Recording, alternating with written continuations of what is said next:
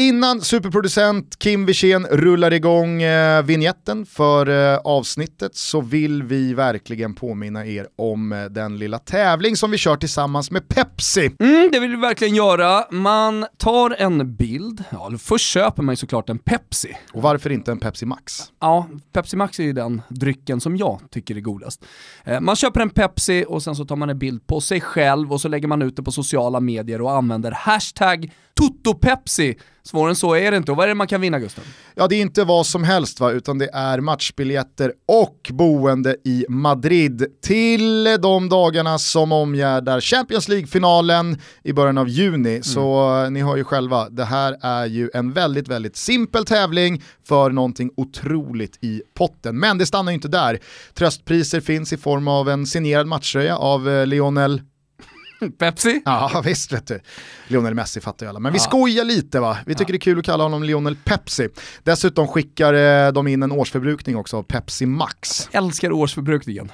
Det vore ju kul om eh, vinnaren liksom, eh, av eh, Lionel Pepsi-tröjan eh, säger att ah, ta hellre årsförbrukning. Jag skulle göra det, garanterat. Det är, det är, en, det är en rimlig invändning.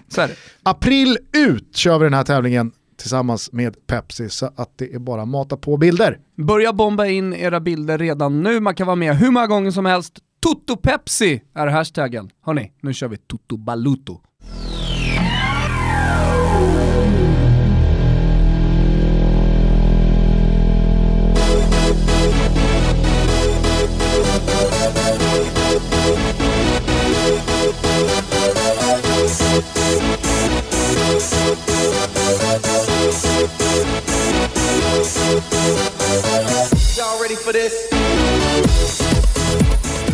Hjärtligt välkomna ska ni vara till Toto Balutto. Det är måndag den 18 februari och Claude Makelele fyller år.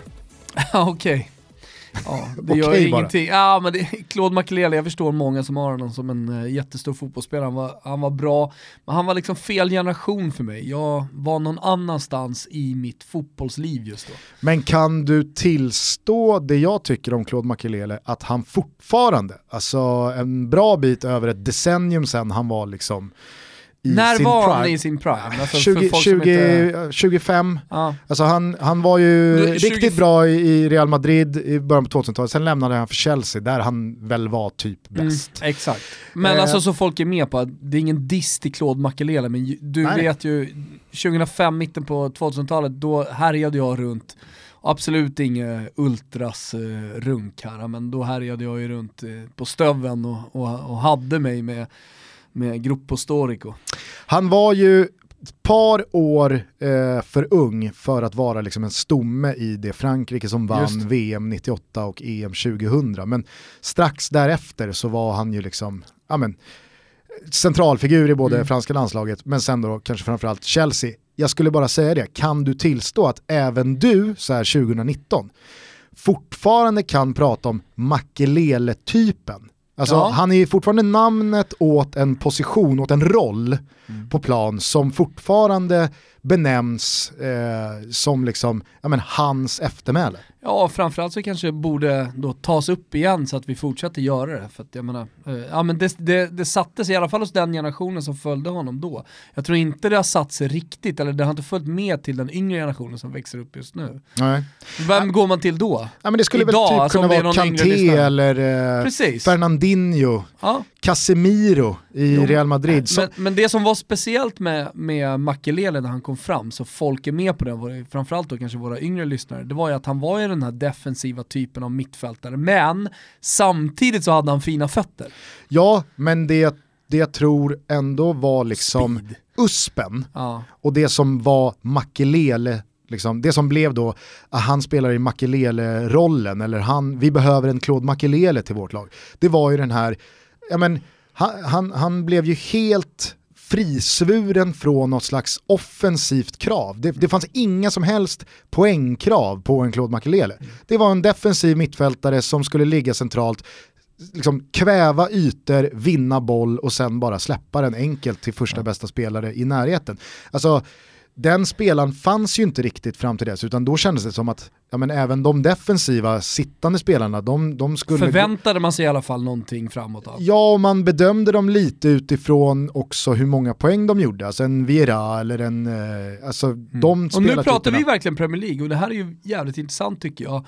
Har ju blivit eh, uppmärksammat på slutet i just Chelsea också med de lågt sittande mittfältarna i det här eh, just nu 2019 då i form av Jorginho som gör enligt många eh, alldeles för få poäng och man förstår inte riktigt vilken roll han har. Det, det är en klassisk, det har vi pratat om också, men den här klassiska regissörsrollen som inte har funnits i England tidigare. Men som nu då ja, börjar komma, vet jag inte om jag ska säga, men, men nu finns den där i alla Den är uppe för debatt i alla fall. Ja, det, det, har den ju verkligen varit på slutet. Och det är i takt också med att Jorginho faktiskt har varit dålig. Under hösten tycker jag att han var bra. Där styrde han tempot på ett bra sätt, men han har haft en svacka ihop med hela Chelsea Chelsea ska sägas också ju. Mm.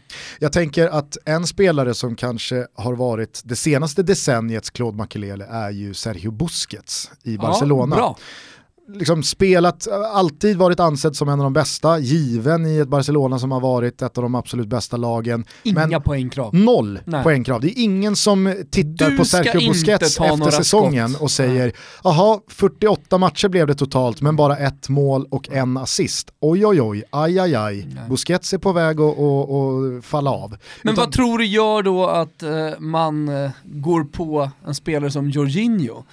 det, alltså i min värld så är det för att han är för svag defensivt. För på, i Busquets så kan du ändå liksom se att han står rätt och att han vinner mycket boll, du har muskler och det hade du i Claude Makelele också. Eh, men i Jorginho så har du inte riktigt den defensiven va?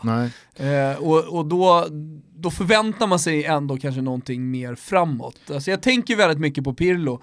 Man skulle kunna jämföra med Pjanic i Juventus eh, 2019. Alltså, och som också är en spelartyp, men som gör poäng, som tar skott utifrån, eh, som får ändå följa med i anfallen.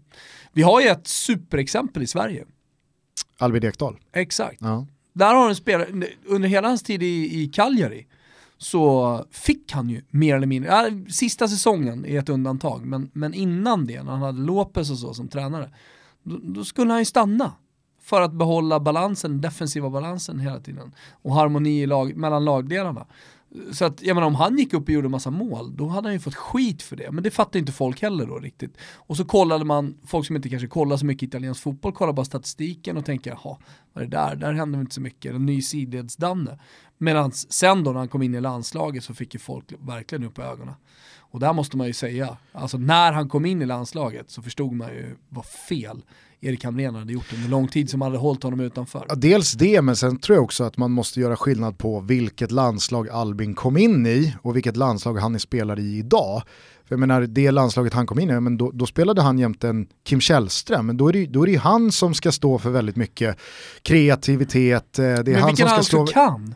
Ja, ja, absolut. Jag menar bara att så här, det blir ju andra krav på Albin Ekdal från en central mittfältsposition när han spelar bredvid Gustav Svensson. Ja. Då är det ju Albin Ekdal som ska göra det. Alltså då, då förväntar man sig både avslut och inträden i boxen och, och, avgörande passningar och väldigt mycket mer kreativitet från Albin än från Gustav Svensson. Mm. Men spelar Albin Ekdal bredvid Kim Källström, ja då är det ju snarare Albin som får ligga och, och städa bakom eh, Kim Källström.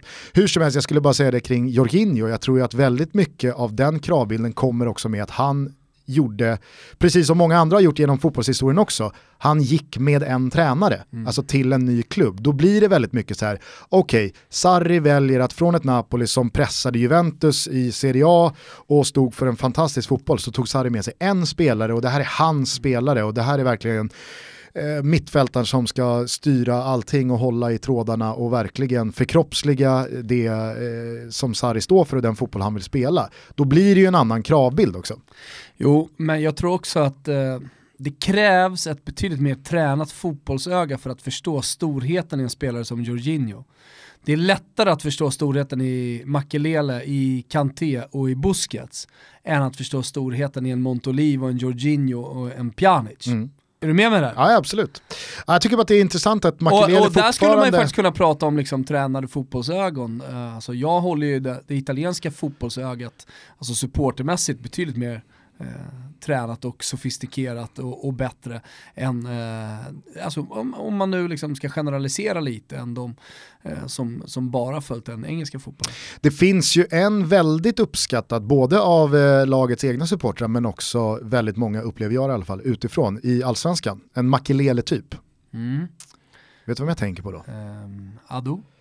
Ja, alltså eh, eh, rätt till viss del, men det var inte han jag tänkte på. Ah, jag okay. tycker det finns ett ännu tydligare exempel. Bonke Innocent? Nej, borde ju givetvis vara Alltså är det så att jag jämför en svart spelare med andra svarta spelare nu som du har varit på att man inte ska göra? Nej men alltså så här, det har ju väldigt många av de absolut bästa på just den positionen i den här rollen har ju faktiskt varit alltså, eh, spelare med afrikanska rötter. Mm. Eh, men jag tycker Sergio Busquets väger ju upp här i den diskussionen att vi inte då bara fokuserar på svarta. Nej. Men jag tänker på Junior i Bayern. Ah. Han har ju verkligen eh, senaste ja, men, två säsongerna gått från klarhet till klarhet eh, och fått ett erkännande av inte bara Hammarby-supportrar utan väldigt många som följer allsvenskan som kanske den bästa städande mittfältaren. Det har ju ropats på landslag. Bra fötter och... också ändå.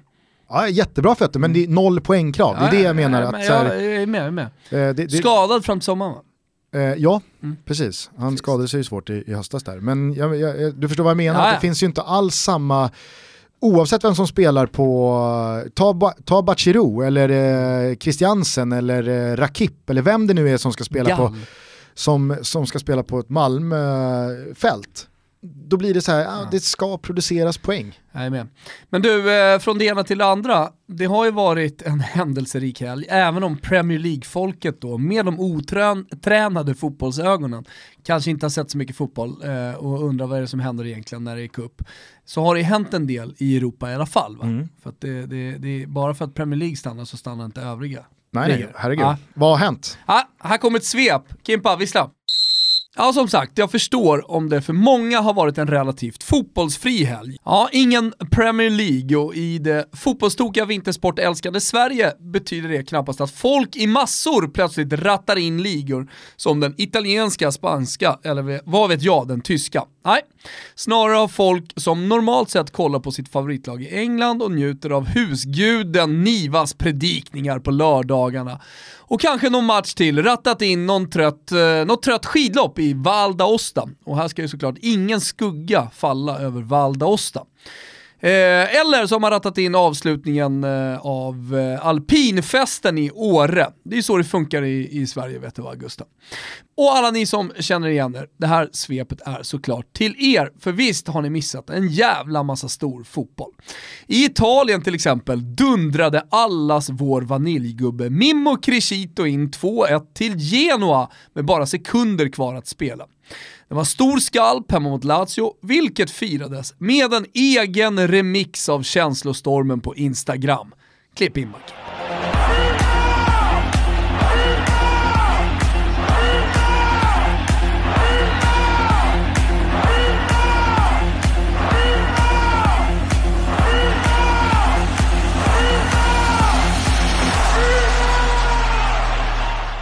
VAR fortsätter annars att ha det tungt. Gustens numera bevingade ord, när börjar en situation eller händelse? Blev aktuell när Spal kontrade in 2-1 hemma mot Fiorentina. Allt gått så långt tills domaren började VAR-granska och då undrade man, hade någonting hänt? Det där målet såg ut att vara 100% korrekt. Nej, det var ju så att de hade hittat en straff för Fiorentina i anfallet innan kontringen. Så istället blev det då straff för Fiorentina, visserligen korrekt men ändå. 2-1 till Fiorentina istället för 2-1 till Spal och tre pinnar. Ja, det är ju märkligt, sånt där som kan avgöra ligor liksom. Eh, för övrigt har första jämförelsen kommit för Piontek. Två nya mål för Milan, totalitär total succé och Tancredi säger att han liknar, håll i er nu, Luis Suarez. Sug lite på den Gustav. Vad ska man säga om Inter annars då? Ja, Wanda Nara Gate och Icardis twittrande. Ja, jag vet i fan. Eh, Sparettis mannar vann i alla fall och det var nog jävligt gött för många att det var just Ninja Nainggolan som löste segern mot Albins Sampdoria. I Spanien hade vi också ett VAR-case av den värre sorten. Där hittade man helt enkelt på en offside för att slippa ta ett större beslut. Ja, det är brutalt uselt och jag misstänker att just du Gusten har en del att säga om det här vad det lider. Annars torskade faktiskt Real efter en längre svit segrar mot Girona av alla lag och på hemmaplan dessutom. Det betyder att segern för Barcelona nu tog katalanerna till 7 poängs försprång. I Tyskland startade Foppen sin första match sen skadan när Rasenballsport Leipzig bröt ner Stuttgart med 3-1 på bortaplan. 59 friska minuter blev det för landslagets nummer 10. Härligt! Och i bayern derbyt mellan München och Augsburg segrade storebror, dock efter viss möda. Och nu undrar man faktiskt hur läget egentligen är med tyskbjässen inför Liverpool i veckan. Det kanske du vet Gusten? Och nu tänkte jag egentligen att vi skulle gå dit, men innan vi slutar va? Mbappé, dyngsnyggt mål eh, i Ligue 1, 1-0 till PSG, 12 poängs eh, försprång och allt det där. Men hörni som tror att jag sitter och skojar och raljerar kring honom. Nu har Super Mario Balotelli vänt på hela jävla Marseille-skutan. Tre baljer sedan han kom för några veckor sedan och tredje raka segern. Alla i Marseille tillskriver såklart Super Mario-vändningen. Så jävla mäktigt. Ja, härligt.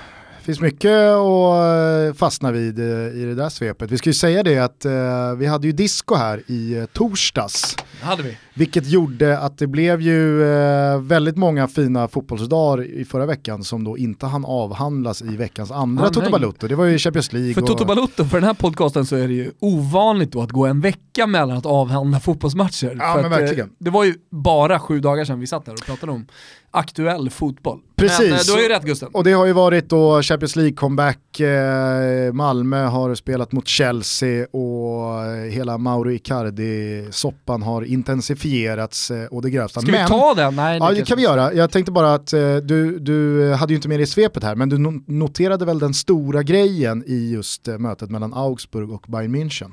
Eh, vad tänkte du på? Det var ju en kvinnlig huvuddomare. Jaha, Iran där ja. Ja, inte i Iran, utan i den här Nej, matchen men, så var det... Jag menar en, att eh, matchen eh, fick inte visas i Iran på grund av att det var en kvinnlig huvuddomare. Otroligt. Eh, ja, såklart. Jag trodde du menade någon fotbollshändelse. Nej, det är klart jag inte missat det här. Eh, vill, vill, du? Vill... Nej, jag tänkte bara att, alltså så här, eh, bara... 2019! Jag hajade verkligen till. Jo men vad jag förstod det så var det också lite så här, matchen skulle sändas, eh, ja. produktionen var liksom på tå och Jo men det så... kan ju du och jag vittna om som har varit i, i, i liksom tv produktionssvängen att det är ju ytterst sällan en producent eller ett tv-hus liksom lägger någon större vikt vid så här, ah, ska vi kolla könet bara på domaren nej, så att vi inte hamnar i någon, nej, och i och med att, någon eh, jobbig dubbelbokning här. nej precis, och i, i och med att det extremt sällan är kvinnliga domare. Det har kommit någon i England va, Linje, linjedomare i Italien har också dykt upp en linjedomare som är kvinna. Ja. Eh, och sen så då i det här fallet kvinnlig domare. Jag kan inte minnas att jag har sett en kvinnlig huvuddomare Nej. i någon av de stora europeiska ligorna. Nej, uh, men uh, det är säkert på gång mer. Men att 2019, att man, alltså jag skrattar men det, det, det är sorgligt, ja. att man då väljer att inte visa en fotbollsmatch på grund av att en, en, en kvinna dömer. Jag vet inte, alltså är, är det liksom... Är Fan läge för vissa nationer att bara lägga ner snart. Ja, eller är åtminstone läge att reformera vissa grejer, ja. kan jag tycka. Jag, vet jag inte. ska inte bli politiker alltså, men, Nej, men, men det, är, det är fan sanslöst. Är det, är, det, är det religionen man ska gå in och, och, och vända sig emot? Kan ju börja kan ju ta bort all religion, så har du nog, så har du nog tjänat jävligt mycket. Där, där kan man ju börja. Nej, det, det är bara så jävla, det, det är en sån bugg i hela jo, systemet. Men jag, tror, jag tror till och med alla som är religiösa, muslimer eller kristna som lyssnar på den här podcasten förstår vad jag menar när jag säger fan lägg ner det där istället i och med att det skapar så jävla mycket krig mm. och eh, problem. Ja, men för mig var det bara sån jävla bugg när jag började så här, tänka steg för steg. Okej, okay. i Iran så kan man inte se matchen mellan Augsburg och Bayern München i Bundesliga för att domaren är kvinna. Ja. Äh, det, alltså, Nej, det blir kortslutning, jag vet. Fan, man alltså, förstår det, inte det. Det, det, är en gaffel i vägguttaget ja. på det. Men det man kanske skulle göra då, det är att koka mängder av stekhet gulasch. Och sen så väller man över det alla, alla dårar bara. Ja. Ja, verkligen. Mm. Eh, med det sagt då, eh, ska vi bara kort eh, ta Mauro Icardi-gate, för det är säkert många som inte riktigt har hängt med där. Ja, det, är, det, är ju, det är betydligt mer 2019 höll jag på att säga. Eftersom allting utspelar sig på sociala medier. Ja, eh, liksom, någon, någon slags kort, kort recap bara är ju att Mauri Icardi är ju en väldigt omsusad eh, anfallare som å ena sidan håller ju en otroligt hög sportslig nivå. Alltså han har ju varit med i toppen av skytteligan i Serie A i flera säsonger i rad är väl egentligen bara en eh, nådig nick från Messi från att vara liksom en given del av det argentinska landslaget. Han har ju hamnat utanför där för att Messi är team Maxi Lopez, vars före detta flickvän Mauri Cardi tog över när de två eh, spelade tillsammans i eh, Sampdoria eh, way back when. Eh, hur som helst så har det varit en ganska eh, stökig tid här med Mauri Cardi som lagkapten för Inter. För dels har ju han då eh, gått i polemik med supportrarna, han eh, har ändå... Ja, men han, han har ju till och med skrivit en bok. Eh, ja. Han, han, skrev boken, han, jag vet inte hur gammal kan han ha varit när det kom, 23, 24 bast, någonting sånt. Jag tror till och med 23 och jag menar skriva en, en självbiografi när du är så pass ung fortfarande om din karriär och allting som har hänt. Bara det får dig att vända sig i magen och att han dessutom i den uh, biogra- självbiografin då går emot ultrasupportrarna en del och så. Alltså det, det, det, fick ju det fick ju Intersupportrarna att uh, första vändan bli sura på honom. Mm. Och sådär. Och eh, denna Wanda Nara då, som Maxi Lopez tidigare, var de gifta? ja, men de har ja. barn ihop och alltihopa. Och barnen nu avgudar ju Mauro. Ja. Mm. Wanda är i alla fall inte bara Mauros eh, fru, stora också. Mm. utan hon är ju sedan några år tillbaka även Mauro Icardis agent. Och de här, de här två tillsammans har ju på väldigt osnygga sätt också, eh, lite här och där, ja men eh, flörtat med Real Madrid och ja, men, äh, agerat på sätt som jo. inte riktigt äh, rimmar med vad, hur en lagkapten ska äh, agera. Och inte minst då i Inter som har haft Javier Zanetti i liksom 15 års tid som någon Nej, slags men... mall på vad en Interkapten ska vara. Nej men alltså proffset på att utnyttja media, oavsett om det är sociala medier eller mer eh, klassisk media, eh, det, det, är ju Mino Raiola, och alltså den, den typen av agenter, då får väl han vara kungen då av att hantera media eller att utnyttja media. Eh, för Robert Laul? typ, eh, vadå? Laul har varit ganska bra på att utnyttja media för att få genomslag. Och... Jo men han är inte agent. Nej jag säger han bara är ju sportjournalist. Jag trodde vi pratade om eh, liksom så här, vem är bäst han på är att utnyttja ju, media. Fast, fast Robert, Robert Laur är ju media. Fast det finns ju väldigt många som jobbar med media som är dåliga på att utnyttja media. ja, Okej, okay, jag förstår vad du menar men, men Robert Laul är ju media, han är, han är han är makt över kanalen. jag, jag, säger bara att han, han fick ju oss på kroken. ja. Nästlade sig in i Toto-studion. Har ju han, fått en jävla är... massa kröniker klickade. Ja. På grund av liksom så här, ja, men, han vet vilka punkter han ska trycka på. Ja, senast en, en tabell var det va? Som många reagerade på. Mm. När han hade AIK som sjua. Mm. Ja han, han äh, äh, läst till sig via hans ryska superstatistik som han har tagit till sig. Var var vi någonstans? Jo, Robert Mino, Mino Raiola ska vara någon slags, han har alltid varit eh, nummer ja, men Bra på att använda media, ja. det vet ju alla om. Och Zlatan har ju blivit duktig på det också, om man bara tar en av hans eh, då adepter. Vad kallar man men, dem? Spin doctors? Ja, exakt. Ehm, eh, Mourinho har varit bra som tränare att utnyttja media, eller han var i alla fall en gång i tiden, jag vet inte om han har tappat det nu. Jo det har han. Ja, som men... jag nu vet också att superproducent Kim Wirsén eh, tänker, ska vi kanske gå ut på Spin Doctors Two Princess det här avsnittet? Ja Kimpa, det ska vi. ja det ska vi. I alla fall, eh, nu försöker de då utnyttja media, bara att de är så jävla dåliga på det. Eh, så Vandanara tror att hon är Mino Raiola då hon tror att hon är superskicklig på det här, så hon, precis som du säger då, skickar passningar och flörtar. Och, eh, ja, till och med så kan hon vara lite sur på Inter och, och, lägga ut det på sociala medier och sånt där. Och det här har ju då fått den nya klubbchefen Beppe Marotta att bli fullständigt vansinnig. Kanske tillsammans med den övriga ledningen. Och det mynnade ju då ut i att man tog bort, eh, eller man, man fråntog honom kaptensbinden.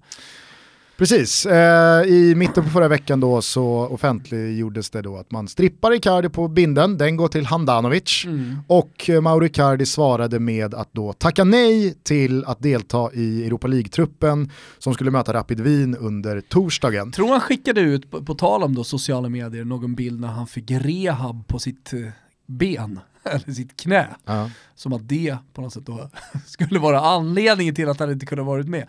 Ja, men, eh, han skickade inte bara ut det, utan i detta då så eh, väljer han även att posta en bild på Instagram på sig själv, någon svartvit bild när han liksom ser riktigt bra ut, står fokuserad inför en match. Och så väljer han att som bildtext då köra ett eh, citat. Och det han då lyckas med är skulle jag vilja påstå, liksom den, den absolut sämsta dikeskörning i den moderna fotbollen som jag kan minnas. Alltså det finns ju dikeskörningar som både har varit så här, ja men det var lite otur eller det här blev fel eller det visade sig bli fel. Alltså det finns de som kan ha otur när de tänker, och, men sen så finns det Ma Mauro Icardi som är född med otur upp i skallen. Ja. Icardi väljer då att eh, som bildtext till den här bilden då... Eh, Kronisk otur i skallen, det är vad han har. Han tror att han citerar då Mark Twain, men egentligen så skriver han bara Mark Twain mellan två citationstecken. Ja, han... Redan där är ju fel, men alltså någonstans det kan man väl ändå köpa av en fotbollsspelare, ja, ja. man gör lite fel. Så kan det bli. Ja. Men han väljer då att eh, liksom skriva ut ett gammalt Mark Twain-citat som på engelska lyder “It's better to keep your mouth shut and appear stupid than open it and remove all doubt”. Alltså på svenska någonting i stil med, ibland är det bättre att vara tyst och framstå som en idiot än att öppna din mun och skingra alla tvivel om att du faktiskt är en idiot. Men det här fattar ju inte Icardi, Nej. utan han tror att liksom det, det, det, talesättet är att ibland är det bättre att vara tyst och framstå som en idiot än att öppna den och skingra alla tvivel kring vad som faktiskt har hänt. Ja, ja. det är så jävla idiotiskt. Ja. Alltså, och, och i en sån här situation då. Men här finns det ju folk i hans närhet som också är födda med någon slags kronisk otur uppe i skallen. Va? Jo men exakt, liksom... för man vet ju att det bör ju i Mauro Icardis entourage finnas någon, någon slags... Här... Det är inte Icardi som har hittat det här. Nej, det är någon i... men i hela hans crew, i hela Aha. hans entourage, så har ju alla läst, nickat och sagt perfekt. Bullseye. Bullseye. Jävlar vad du nailade om du kör det här citatet alltså. Och det är bara så, det är bara, äh, det knöt sig i magen Nej, över hur pinsamt det var när jag såg det här på, på torsdagen. Och vår gode vän då, Siavush Falai, eh, stor Intersupporter. Ja, stor eh, Mauri Cardi-supporter ska sägas också. Ja. Han är ju snudd på, Siavush är ju snudd på tio år gammal med Mauri Cardi-posters på väggarna. Är det någon som har kontrollerat om det sitter uppe Mauri Cardi-posters på Siavush väggar? Ja. Extra kul i den här soppan är ju att han inte gillar Handanovic överhuvudtaget. Alltså, han har alltid varit emot Handanovic. Han, hans, eh, Siavush har ju eh, en italiensk flickvän från vad jag har förstått då södra Italien kring eh, Bari anledningen att vi pratar om C är att han, han är ju liksom en, med och jobbar i media, eh, han är en kollega till oss, han jobbar just nu på Discovery med sändningarna där och sociala medier. Han, har han var medgrundare till sempreinter.com eh, och har funnits, eh, ja men varit eh, i, i, i ropet så att säga eh, under en längre tid och gjort karriär och gjort en bra karriär inom, inom eh, sportmedia, eller hur? Ja, verkligen. Eh, han skickar ju ut den här Instagram-posten också i någon slags subtweet och gör också en väldigt väldigt bra poäng. Att så här, om nu ditt budskap är att ibland är det bättre att hålla käften, mm. varför skickar du ut den här Instagram-posten då? Alltså det är också en väldigt, väldigt befogad fråga och invändning mot Icardis hantering av den här situationen. Anledningen är det här med hans flickvän då, som också är Intersupporter från södra Italien, misstänker att de har träffats i Intersvängar. Alltså man kan ju tänka sig att fri, hennes frikort är Icardi. Men det tror jag inte. Jag, tror att Siavush frikort är eh, Icardi. Ja. Ja. Vad det nu tillför eh, diskussionen? Jag tycker att det tillför någonting för att vi, vi ska förstå hur jävla mycket Sia gillar eh, Icardi hur mycket han har försvarat honom. Ja. Hur som helst då så äh, möter sedan Inter Sampdoria under söndagskvällen. Ja. Ingen Icardi med i truppen där heller. Nej. Är det då liksom, eh, är, är den officiella förklaringen då någonting som går att härleda till att han får rehab för någon äh, skada i, i, i, benet? Eller vad är det senaste liksom äh, vad är det senast sagda? För det var ju ändå ganska, tycker jag, mjuka tongångar från Interhåll kring det här. Att eh, Spalletti var liksom, jag hoppas att eh, han tar det här bra och för vi behöver honom på plan. Han är, ju, han är ju som man säger i Italien ett patrimonio. Alltså han är ju värd extremt mycket pengar för Inter. Så man, här handlar det ju om att lösa den här situationen så snabbt som möjligt. Men det var uppenbarligen viktigt för Marotta. Jag vet inte, känslan är ändå att det är Marotta som, kom, som har kommit in och stämt i bäcken här. Förstår du vad jag menar? Jag, jag tror inte att den tidigare Interledningen riktigt hade agerat så här strängt och så här tufft. Eh, men eh, vi låter det vara osagt, för, för det är ändå bara spekulationer. Det stora är ju det som hände igår när hon var med i ett italienskt fotbollsprogram som heter Tiki Taka, eh, som går på kvällen där man diskuterar fotboll och så har man massa gäster, ofta A-gäster, eller alltid A-gäster. Och i det här fallet då kom det till och med en tår och varpå hon säger att vi aldrig har velat haft den här situationen, vi har aldrig krävt någon förlängning och vi tänker inte på pengar. Mauro Icardi han hennes make, eh, han vill bara liksom eh, spela fotboll för att han älskar Inter, det har tagit jättehårt på honom och bla bla bla bla bla. Liksom. Eh, så nu har ju hon då bölat ut och sträckt ut en hand, så jag misstänker att Inter kommer ta den handen för att han är fortfarande värd så mycket pengar, man sitter inne på guld där också va. Om det är så att han ska säljas eh, så pratar vi miljarden va. Dessutom så är det ju en väldigt så, viktig vår sportsligt för Inter. Jo där man Herregud. nog kommer behöva Icardi på plan. Ja, nog. Alltså, nu har man Lautaro Martinez annars och absolut inget ont om honom. Han har öppnat jättefint och jag tror att han har eh, någon slags stor framtid i Europa som fotbollsspelare, som anfallare, men, men Icardi klass på ett helt annat sätt. Alltså det ska vi komma ihåg, de som inte följer italienska ligan speciellt väl. Alltså Icardi, det, det, det, är en, det är en spelare som kan spela i vilket lag som helst i hela världen. I Barcelona, i Real Madrid och i, i Manchester City om man så vill. Ja, jag, jag tycker att uh, lite av den där uh, gulaschen vi kokade upp åt uh, Iran, Iran ja. den, den, den, får... Vi tar, vi tar en liten uh, skål. Den får droppa över Icardi och Wanda också. Ja. och, och den här dikeskörningen vad gäller Mark Twain-citatet, äh, den är så episkt ja. usel. Alltså att, just att han använder det talesättet också, ja. i tron om att jävlar vad jag fick till det här nu. Ja. när han egentligen bara... Det blir liksom, extra smärtsamt ju, när, jo, tales, när, när det blir så uppenbart att han, har, att han har feltolkat Ja men talesättet blir ju ännu starkare ja. när han också feltolkar det. För att han, liksom, han motbevisar sin egen liksom, tro på smarthet utan att ens öppna käften utan bara använda liksom, talesättet felaktigt. Nej, eh, det var eh, mycket, mycket pinsamt. Ja. Mycket pinsamt. Har du eh, stött och blött möjligheterna för tillökning till familjen Wilbacher med Helena här nu när supersuven Tarako är på G? Ja, om jag säger så här, efter tre barn och nu då när vår yngsta är två så är det inte riktigt läge att börja prata om fler. Helena är riktigt trött på det här nu. Han har varit hemma nu i två år dessutom så är sugen på att ta sig ut. Men, vet du vad? Jag är fotbollsfarsa. Mm. Jag kör många tjejer till och från fotbollsträningar och fotbollsmatcher och kupper och allt vad det är. Jag behöver mycket plats, så att jag är helt klart sugen på suven va. Och rattar man då en Taracco, ja då finns det ju, eh, förutom du då, plats för sex stycken eh, små fotbollstjejer. Ja visst är det så. Ni hör ju själva, det är nästan en hel eh, buss det här. Mm. Eh, den här kan man boka för provkörning via seatstockholm.se. Man följer dessutom Seat Stockholm bäst genom Instagram, där heter kontot Seatstulm. Eh, där kommer det information och eh, nyheter, men det som inte är någon nyhet, det är ju att privatleasingdealarna borta hos Seat Stockholm. De är kalas och dessutom väldigt, väldigt bekymmersfria. Allt mm. bara rullar på. Så är det. Tack till Seat Stockholm och tack till Topdog Micke. Stort tack. Gör dig redo för vår eh, fickparkeringstävling. Eh, Mycket snack där borta på Micke just nu, man vill ju se verkstaden också.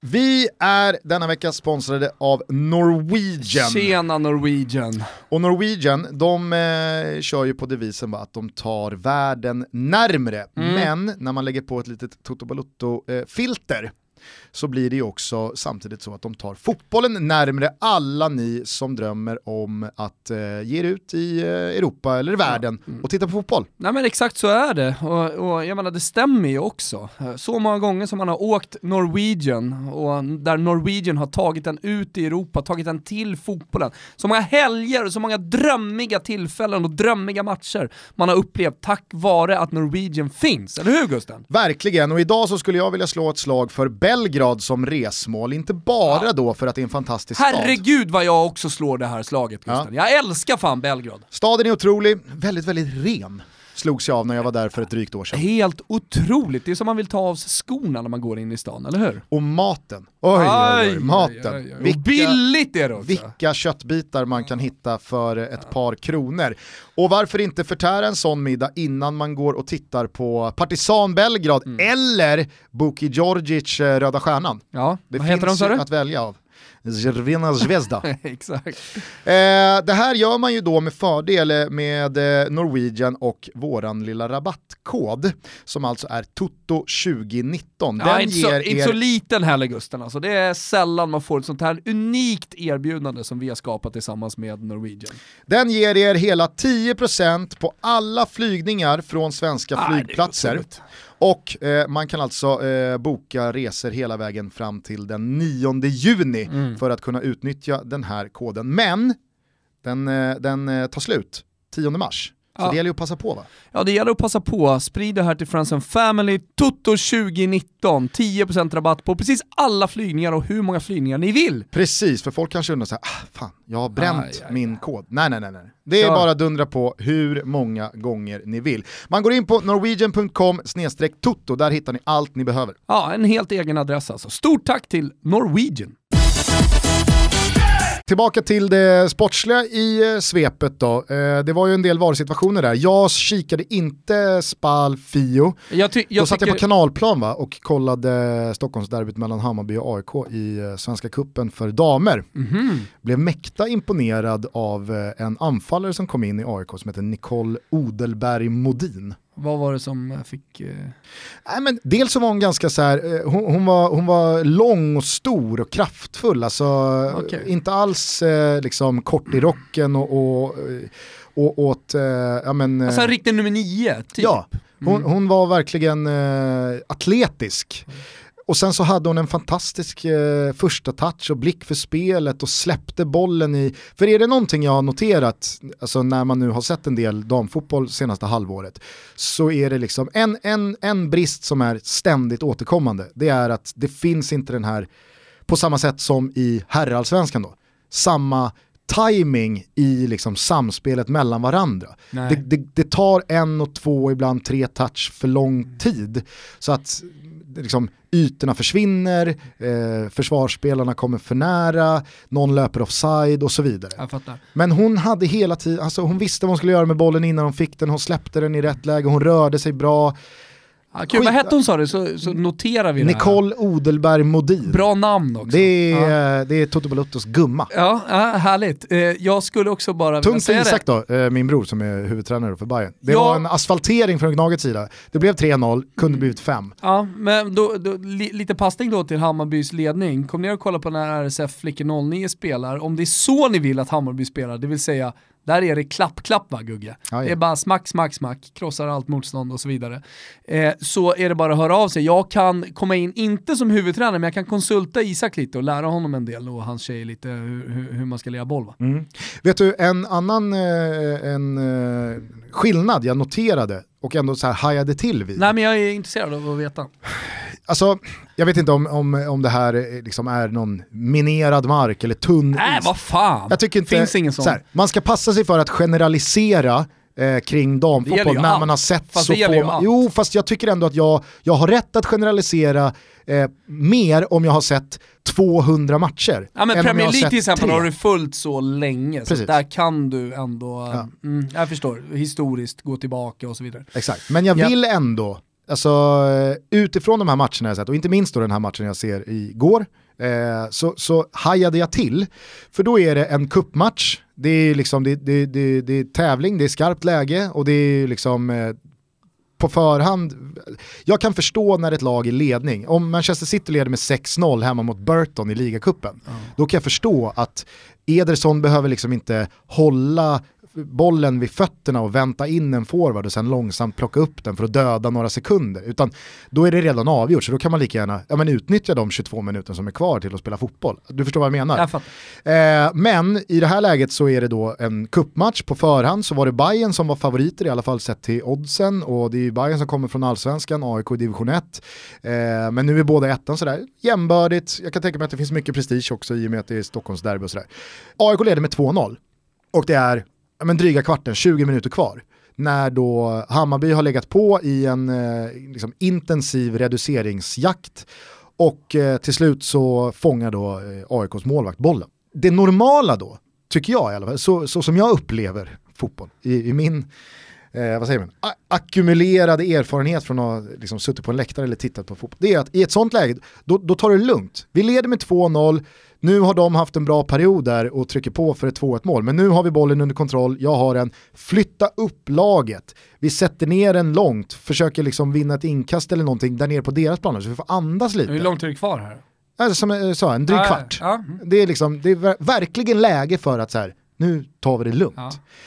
Men det är så jävla fart på keepern att liksom sätta igång den, rulla igång den rätt ut i en befolkad yta och de blir av med bollen direkt och det är liksom så här, och ingen spelare eller ledare liksom från AIK-håll då reagerat så här, vad fan sätter vi igång bollen nu för? Varför utnyttjar vi inte det här breaket vi får möjlighet till att liksom ta upp laget, sätta en djup, döda en minut, alltså vinn någonting på andra planhalvan.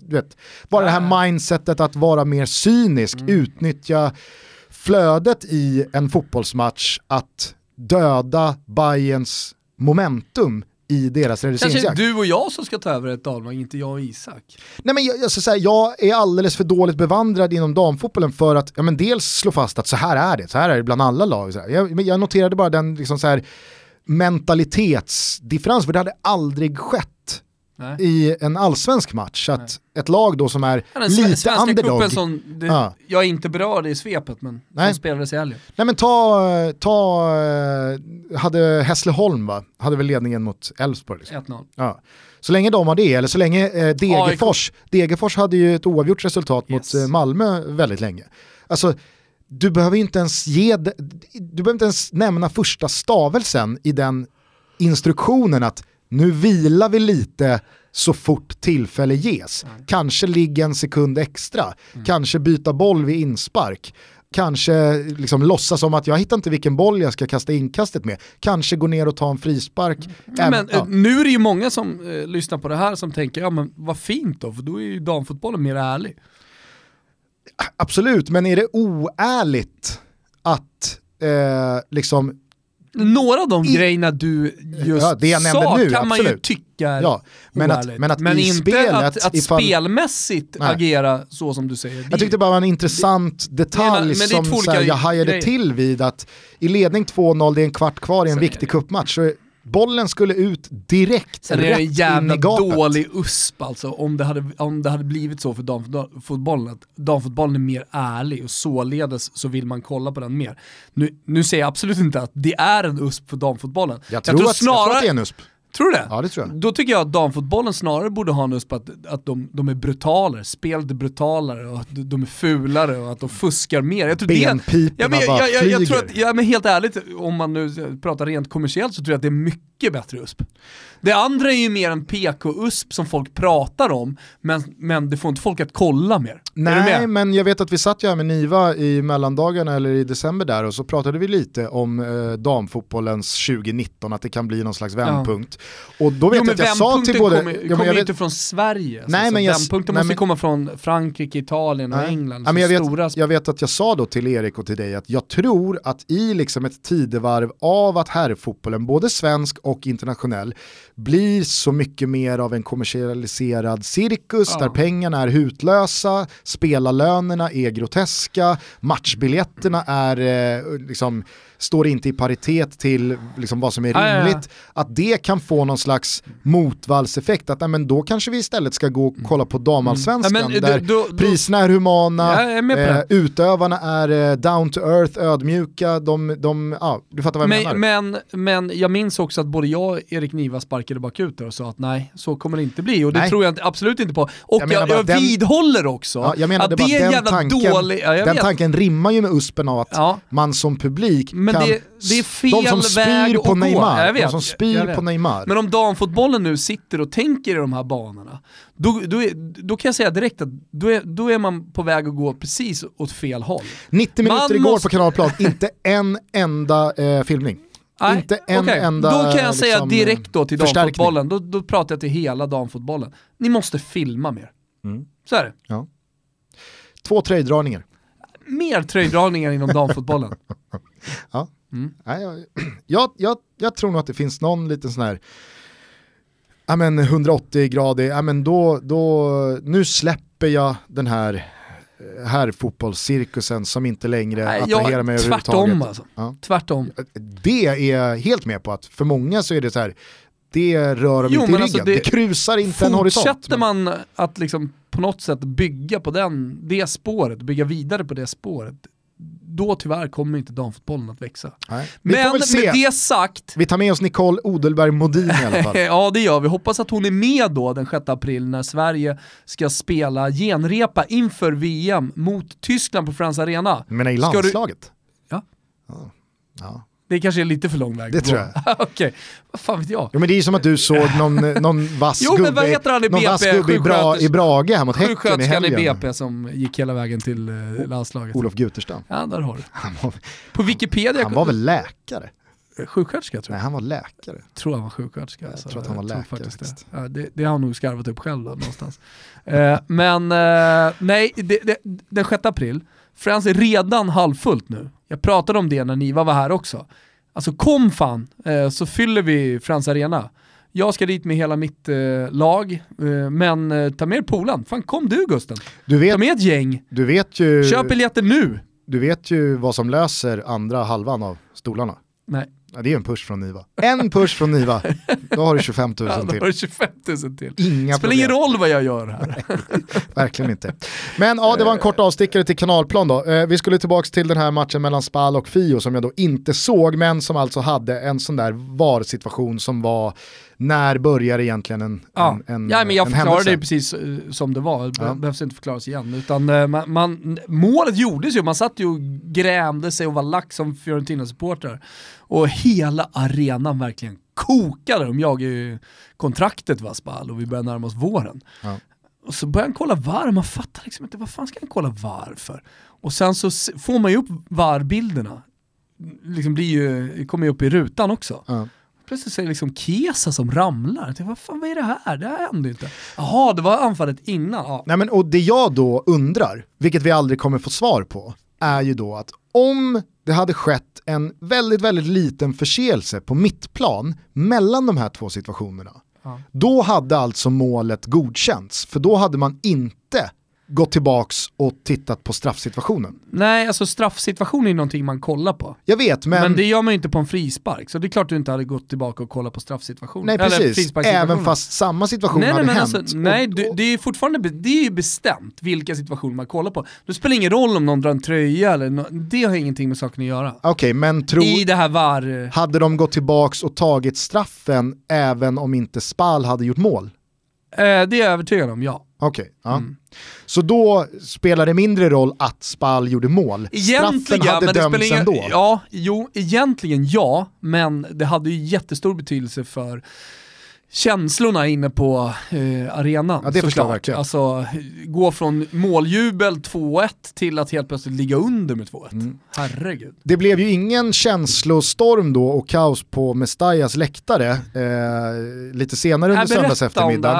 här. I och med att ingen i publiken fick ju liksom se det vi som såg matchen via Strive såg, nämligen att det fanns ingen offside, utan de litade väl på att, jaha, Men vad var det för situation? Ja, men situationen är att Vass, högerbacken, kommer ner i eh, korridoren, ner på kortlinjen, spelar den snett inåt bakåt till Parejo som tar ett avslut, målvakten räddar, bollen går tillbaks ut mot Vass. Som då hinner före sin försvarare men blir klippt bakifrån. Och det ska vara straff, eh, Valencia. Men linjemannen har då eh, vinkat för offside på Vass. Situationen går till VAR och det här är ju då skillnaden mellan mig då som tv-tittare och de eh, på läktaren. De ser ju inte det jag ser, nämligen att det finns ingen offside här. Alltså Vass är inte offside, det går inte att döma offside för det finns ingen spelare som ens är på någon linje eller något. Det är bara så här, Är du säker på det här nu? 100% säker.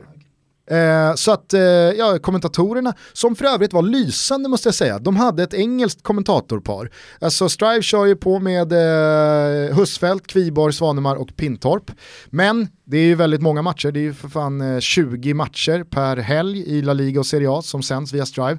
Eh, så att de hinner ju inte kommentera alla och då är det faktiskt väldigt bra engelska kommentatorer måste jag säga. De hade en expertkommentator igår till den här matchen som, jag vet inte vad han hette, men du vet hur man ibland kan störa sig på just engelskspråkiga kommentatorer när det kommer till spansk fotboll eller italiensk fotboll. Men, men, Överdriva läspande. ja, verkligen. Det är Eh, det de sysslar med. Kommentera matchen bara. Men den här expertkommentatorn, han var grym.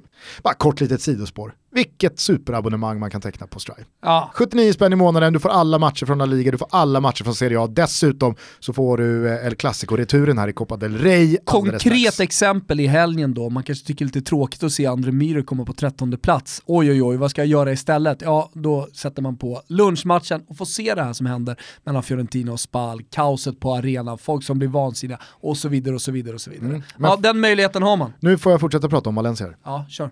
Hur som helst, så ser ju då alla vi att ja, det här blir ju straff för att det finns ju ingen offside. Det linjemannen har vinkat för existerar inte.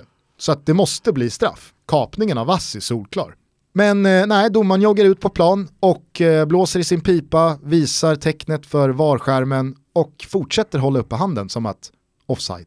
Det var offside.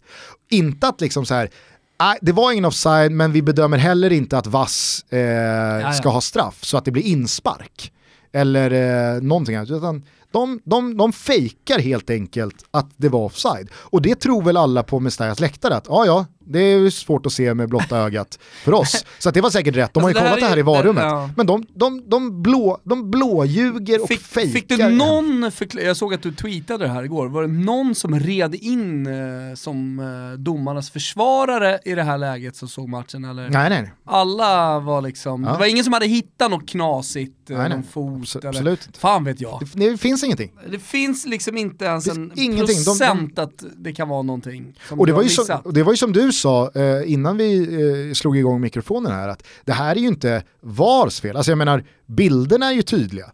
Utan det är ju de som väljer att agera på bilderna, det är ju de som ska stå till svars för eh, det här haveriet. Men i och med att allt det här är ett liksom, resultat av VAR så blir det ju så mycket lättare att kritisera hela företeelsen. Och, och alla som lyssnar på så den här klart. podden vet ju att jag är en stor VAR-motståndare och det här var liksom så här, det här var nästa nivå när man började så här, hitta på att någon var offside som inte var offside. Ja. Alltså, herregud.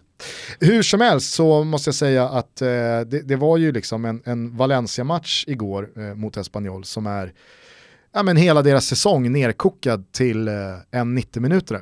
Mm. De är bra Valencia. Mm. Vilka spelare Nej, har de? Jag har sett dem Guedes de... var tillbaka från eh, lång eh, skada igår. Eh, du har Kondogbia, Roncaglia. Fina han.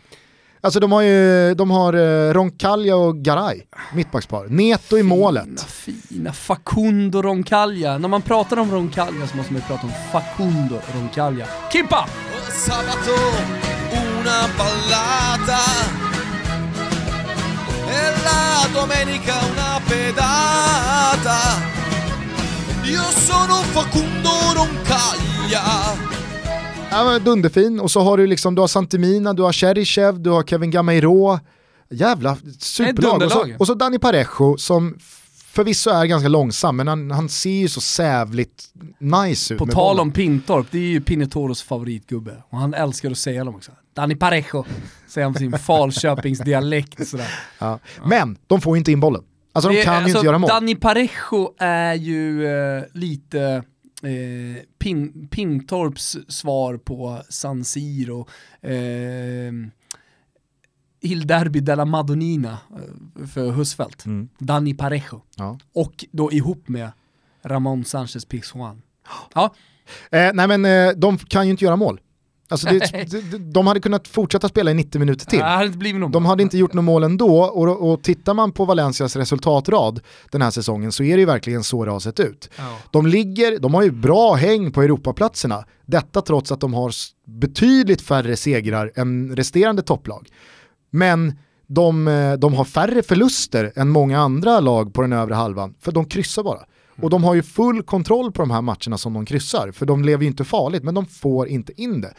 Och alltså, man märker ju det, vilken hårdvaluta det är att ha en anfallare som gör målen. Mm. Titta bara på ett lag som Girona, som de har sin Stoani. Och han gör de där, vad ligger han på, 13 kassar liksom. Vet du vad de har?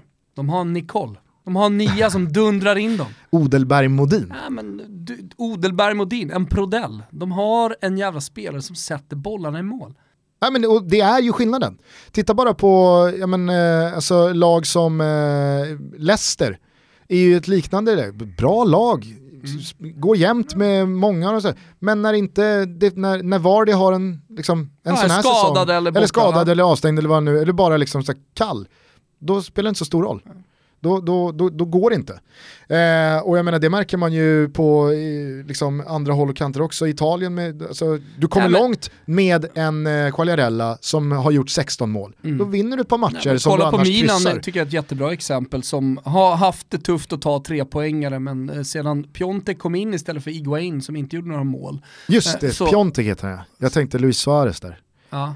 Det var det jag for efter, jag hittade inte namnet. Det var Luis Suarez. Jag tänkte att det, Jaha, han är så lik. Ja, ja, lik ja. Suarez. ja, i spelet och sådär ja. Rörelsemönstret och ja. alltihopa. Mm. Men, Fast eh, han är inte lik eh, vilken Luis Suarez som helst. Han är ju lik Liverpool Luis Suarez va? Inte Barcelona Luis Suarez. Jaha, var det, var det ytterligare ett lager Amen. i Amen. Tancredis yes, liknelse? Yes. Alltså, mycket kan man säga om Tancredi. Ja, mycket kan man fan säga om Tancredi. Punkt. Ja, punkt. Men en sak, det är ju hans fotbollsspaningar. Har du tänkt på det någon gång? Ja. Alltså, du vet, han ska gå in och tycka taktiskt eller om någon är bra eller dålig eller jämförelse i det här fallet. Då är han ju alltid ute och cyklar. Han, han hade ju någon grej förra året. konstiga spaningar. Han liknade matcher vid filmer. Alltså som också var såhär urusla. Ja. Liknelser. Ja. Urusel går det ju inte att kalla Piontex eh, start i Milan i alla fall. Helskott fatta äh. vad han kör och vad Milan mår. Ja, vilka mål han gör. Det och alla bara står bara och ropar pop, pop, pop, pop, pom. Det är inte så att han som Alexander Isak lägger en tap-in alla Inzaghi. Utan det, det, är verkligen eh, klassmål hela tiden och sättet han rör sig på. Eh, kommer först i stolpen, eh, i det här fallet när han liksom på en touch volleylobbar över målvakten. Alltså det är, det är både ja, det är hela aktionen, det är både rörelsen då som gör att han kommer till den positionen och, och själva utförandet. Och det i en symbios som blir så perfekt som man undrar vad fan ska det här sluta med den här gubben? Vi kan väl eh, lyssna på hur det lät i eh, bortaklacken eh, i eh, segermatchen här mot eh, Atalanta när Piontek hade bombat in ännu en, en strut.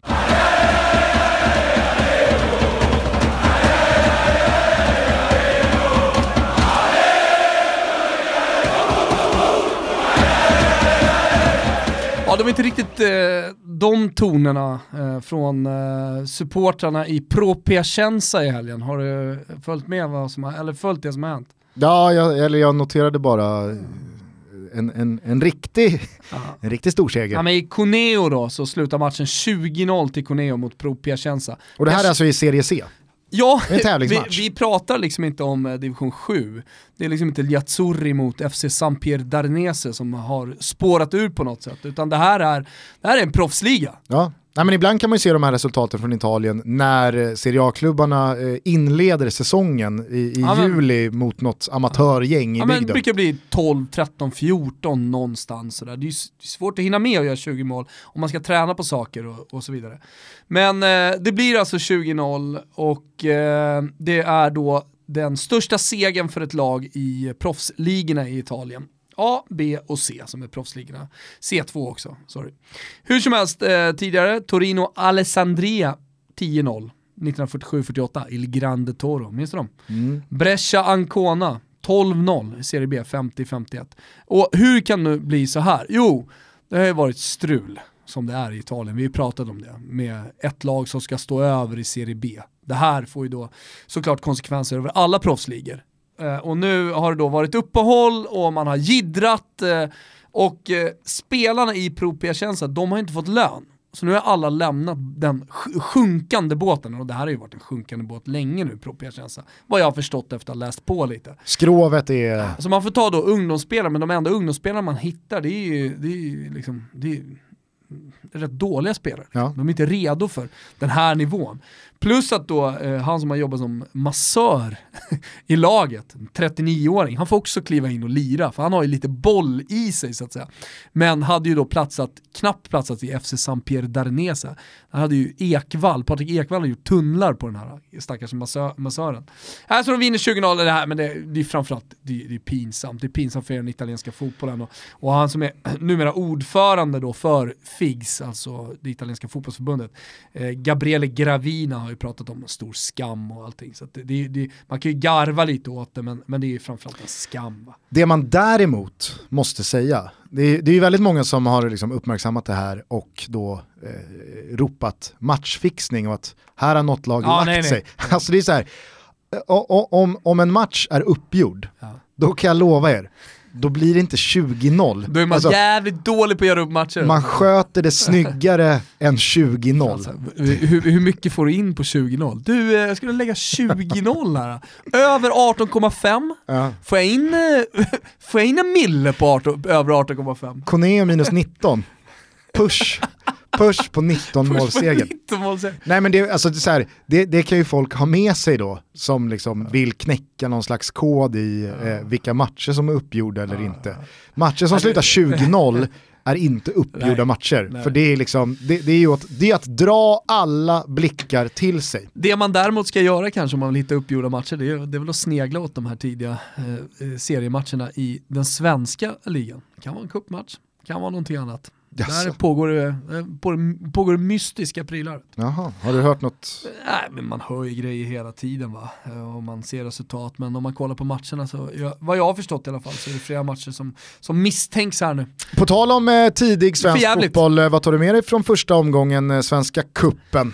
Äh, men, är inte helt färdigspelad än ska vi säga. Ja, Ikväll så kliver väl Bayern in i handlingarna. Precis, uh, inte bara Bayern, det är fler matcher. Men, men, nej, men det jag tar med mig är precis som jag alltid gör varje säsong som börjar med Svenska Cupen i februari numera.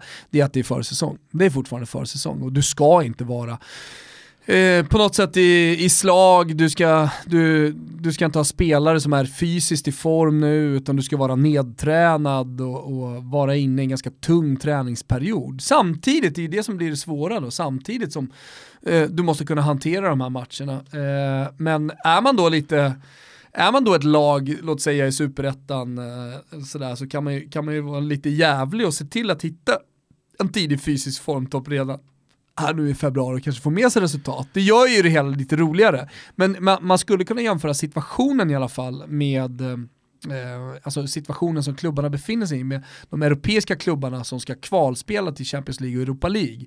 Som Östersund, de hade ju aldrig vunnit över Galatasaray eh, och alla lag på det sättet de vann. Det kanske de hade gjort, men inte på det sättet de vann om de hade varit i säsong, utan det, de kom ju semesterfeta liksom till de mm. matcherna. Eh, så så det, det, tar jag med mig och det tycker jag efter att ha sett mycket, var på Friends, eh, eh, såg allting mer eller mindre som visades på tv, inte minst Djurgården igår. Eh, det, det, är ju att... Vad tyckte du om Carolas son? Jag tyckte, såg sådär ut va? Såg sådär ut, eh, däremot så tyckte jag att eh, Hjalmar Ekdal eh, stod upp bra alltså. Ja. Inte en helt pjå, pjåkig spelare där inte. Lilla Albin. Nej, verkligen Nej. inte. Eh, jag har inte läst några så här, eh, periodiseringsbortförklaringar från Brage-håll. Eh, de kanske menar då att de är väldigt nedtränade och inte ska vara i slag nu. Men det var ju en asfaltering från Häckens sida.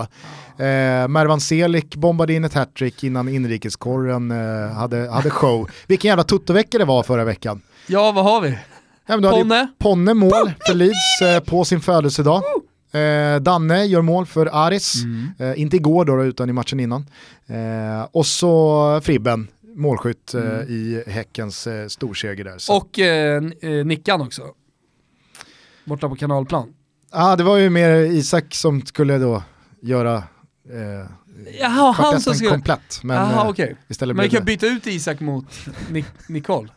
Ja. Vi får se, ah, okay. vi får känna lite på eh, Nicole eh, innan, innan eh, vi eh, vad, vad, säger man? Eh, Fullföljer hon är, hon, är bara pros, hon är bara prospect hon är prospect, ja men det är bra. Hon, hon Toto Balotto prospect, vilka hon, har vi mer? Mallen prospect. Mallen är prospect, ja. lustig, Mer än prospect, Aha, lustig.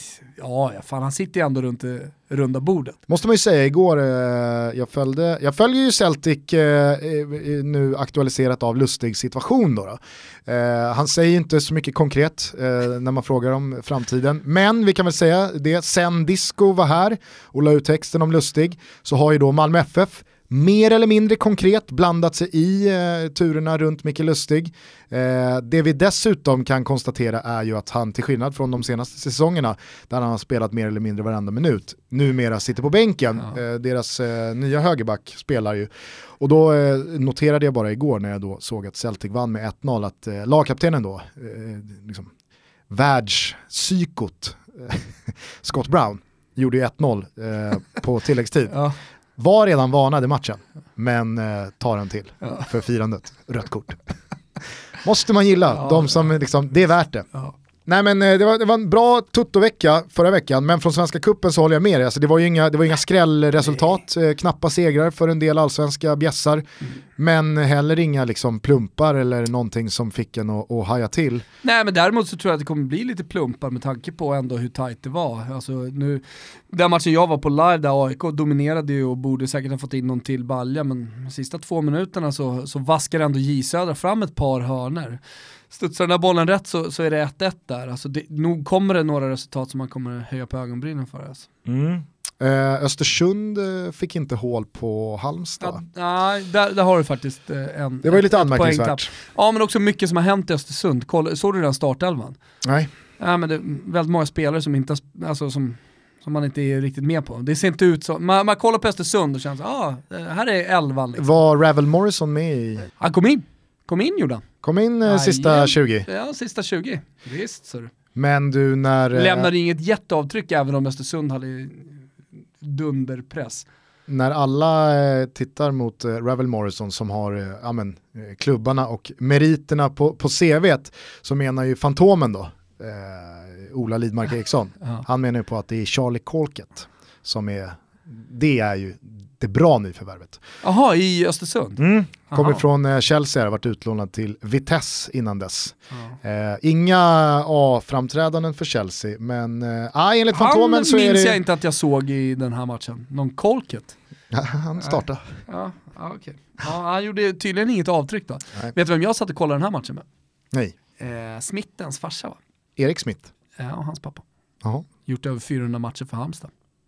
Så ja, där. Satt man ner på bistron? Kikade med. Jag. Var Bamse där också? Nej nej för fan Bamse, jag lever på miljoner. Sprätte miljoner omkring sig. Lever, lever på miljoner. Ja, det är ju eh, såklart inte Svenska Kuppen som är eh, mest aktuellt de här dagarna, i alla fall inte för dig och mig. Utan det är ju såklart eh, Malmös dubbelmöte mot Chelsea. Visst, det är några dagar sedan, men returen är ju bara ett par fjuttiga dagar bort. 2-1 Chelsea från stadion, vad var dina bestående intryck?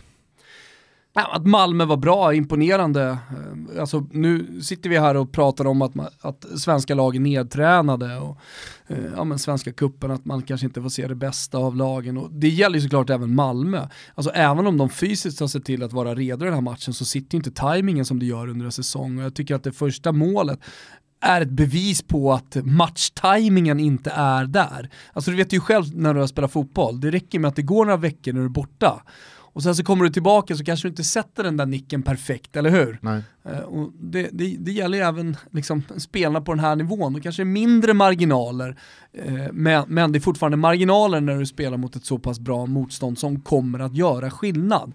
Uh, det tycker jag man märkte. Däremot så fysiskt stod de upp bra. Det sa ju Chelsea också, att det, fan, och det smällde en hel del, det var många Malmö-spelare som gick tufft åt Chelsea-spelarna. Ja, jag skulle nästan sträcka mig till att de imponerade imponerade fysiskt Malmö. Ja, alltså, det jag, håller jag med om. Jag, jag tyckte det var en jäkla körning i pressen i, i 90 plus tillägg. Alltså, det var otroligt imponerande att se ett lag som gör sin första tävlingsmatch för året och man inte har spelat tävlingsfotboll på över två månader gå in och göra en, en sån eh, prestation. Det, det var ju inte riktigt samma tryck i grejerna mot Degerfors här.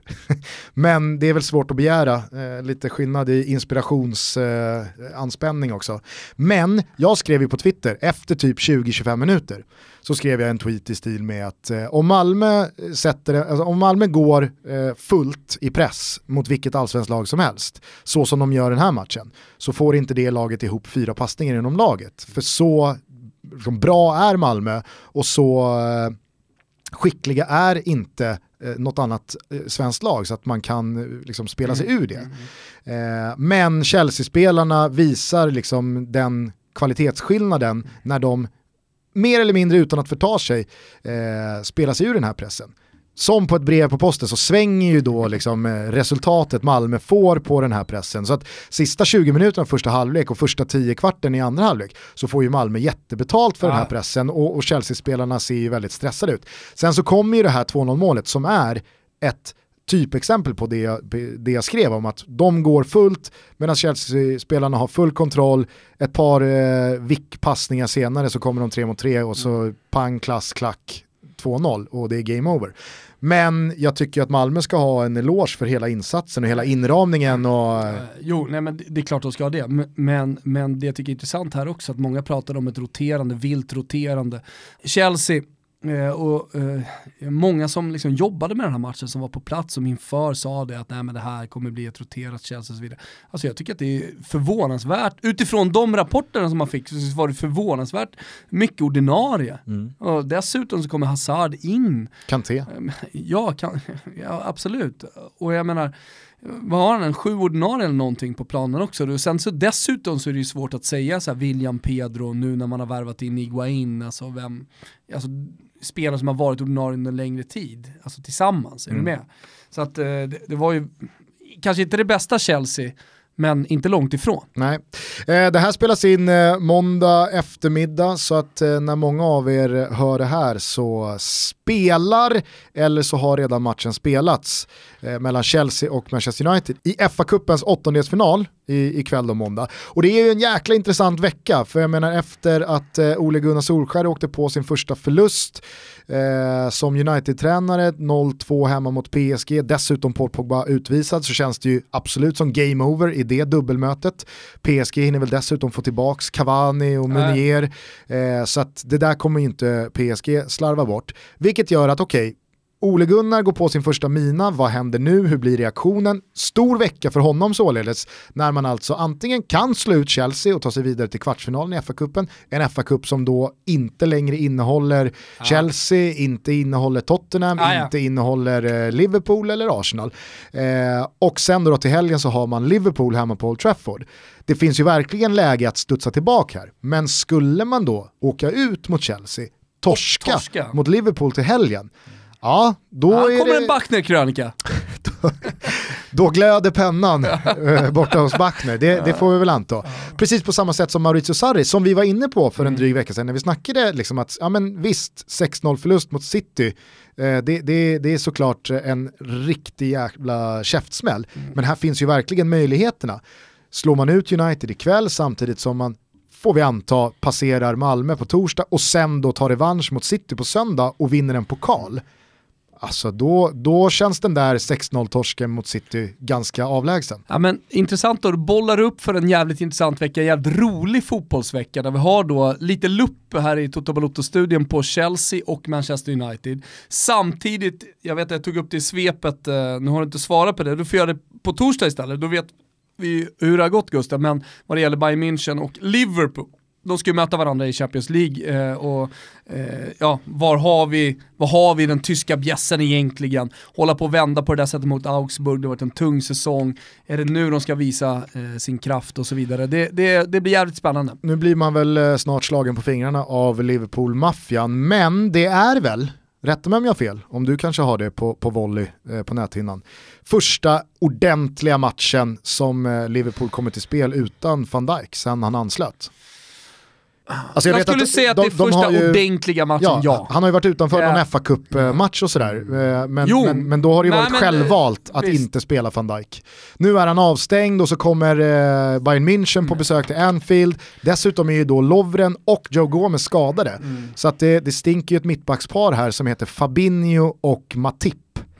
Mm. Det ska bli jäkligt spännande att se vad Bayern München kan göra med ett sånt mittbackspar. Jag menar det är Lewandowski och det är Ribéry och det är eventuellt Koman och det är James Rodriguez och eh, Visst. boysen va? Thiago och, och, ligan. Det ska sägas det inför den här matchen så är ju liksom Robben eh, borta, Tolisso som har varit bra och Thomas Müller. Eh, nu har vi kanske inte Müller sin bästa säsong, men ändå, det är inte bara Liverpool som har eh, eh spelare borta.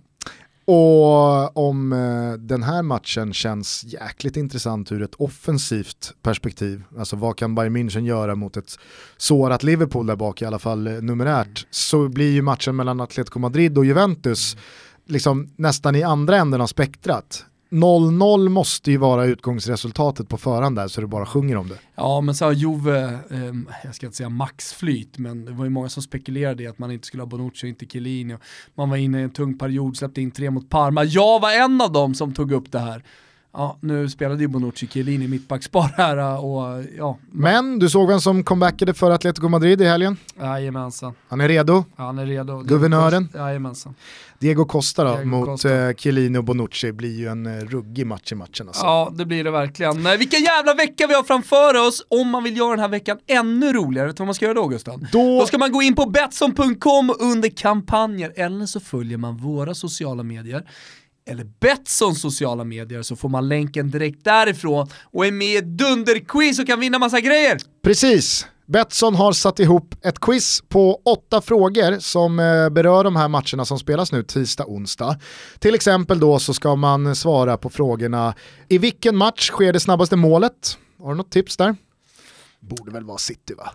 De släcker Schalke direkt. ja, var, jag fick ett mail av en Schalke-supporter, Schwedische Schalkischer, eller vad de nu heter, eh, som eh, menade på att nej, nej, nej, det här ska inte gå så lätt.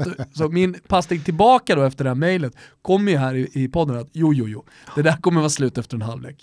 En annan fråga är hur många matcher slutar oavgjort? Ingen, en, två eller tre plus? Ja men du ser, det är en uh, massa spännande och roliga frågor. Vilket lag får första gula kortet? Ja det är ju Schalke också. Gå in och klipper direkt. Ska du ah. göra quizet här nu Gugge? Ja, men jag, jag bollar bara upp vilka typer av frågor det är i det här roliga quizet. Vad ligger i potten då tror du? Cash. Det är 100 000 kronor cash att dela på för alla som sätter 8 rätt. Ja, det är mycket pengar. 100 lax. Ja, men du vet, står det där som ensam vinnare? Hunch. 100 laxingar. Hunch cash. Eh, det är ju givetvis gratis att delta men det fattar ni ju. Mm. Det är hunch kex. Ja, de är sjuka. Hunch, de är sjuka borta på Betsson. Kex Hörni, in och gör detta. Visa att det är du som är bäst. Visa att det är du som ska ha 100 laxingar. Betsson.com under kampanjer eller så länkar eh, vi er vidare från våra sociala medier. Nu ska vi gå och göra oss redo för Manchester United-Chelsea Gusten. Jävla kul att göra den här podcasten tillsammans med dig. Ja, Kimpa rullar igång eh, Two Princess eh, med eh, Spin Doctors så uh, har vi en trevlig måndag innan vi hörs igen på fredag va? Uh, vi kör väl inte torsdag, uh, då går väl Malmö och vinner på Stamford Bridge och så sitter vi här med långnäsa. Så, så att vi hörs igen fredag runt lunch. Ciao tutti!